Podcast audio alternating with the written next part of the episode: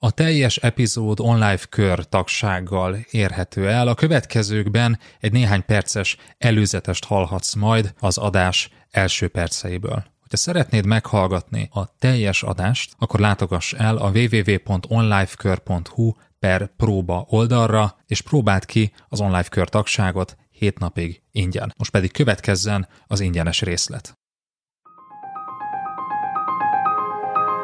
Menedzserek krízisben. Mit tegyünk vezetőként válság idején? Második rész. Ez az Online Management Podcast, én Ungári Péter vagyok, és a mai adásban üzlettársammal, Berze Mártonnal folytatjuk a beszélgetésünket a kríziskezelésről. Az előző részben befelé tekintettünk, most megnézzük, hogy menedzserként, nem csak felső vezetőként, hanem bármilyen menedzserként hogyan tekinthetünk a szervezeten kívülre, hogyan láthatunk meg lehetőségeket szervezeten kívül arra, hogy előrébb lépjünk, akkor is, hogyha bajban van a szervezetünk. Tarts velünk! Az előző adásban a kríziskezelésről beszélgettünk, és ennek is arról a részéről, amit a cégünkben, a csapatunkban befelé tekintve érdemes megtennünk most menedzserként, vagy felső vezetőként.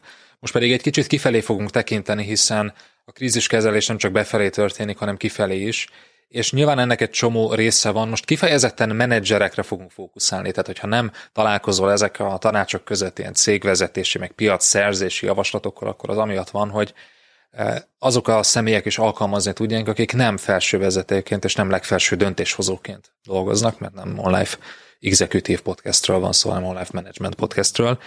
Hogyan nyerhetünk kifelé fordulva a krízisben menedzserként?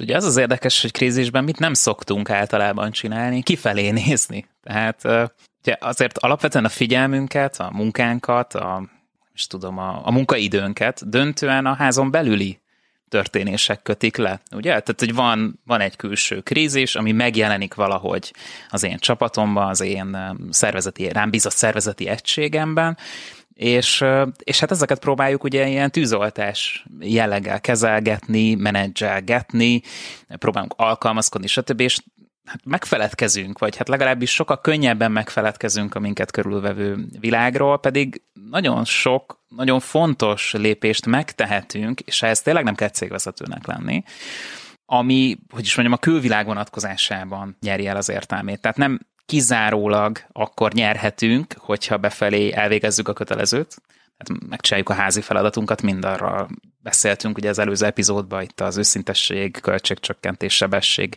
egyértelmű célok, elvárások, stb. tekintetében. Szóval muszáj kifelé is néznünk, és az a helyzet, hogy valaki minél magasabban van egy szervezetben, hát annál valószínűbb, hogy ilyen dolga is lesz, és van, már most is. Tehát amikor krízis van, akkor nem elég házon belül megoldanunk mindent, okosba, ügyesen, gyorsan, hanem, hanem muszáj a, a külvilággal is foglalkozunk azért valamennyi.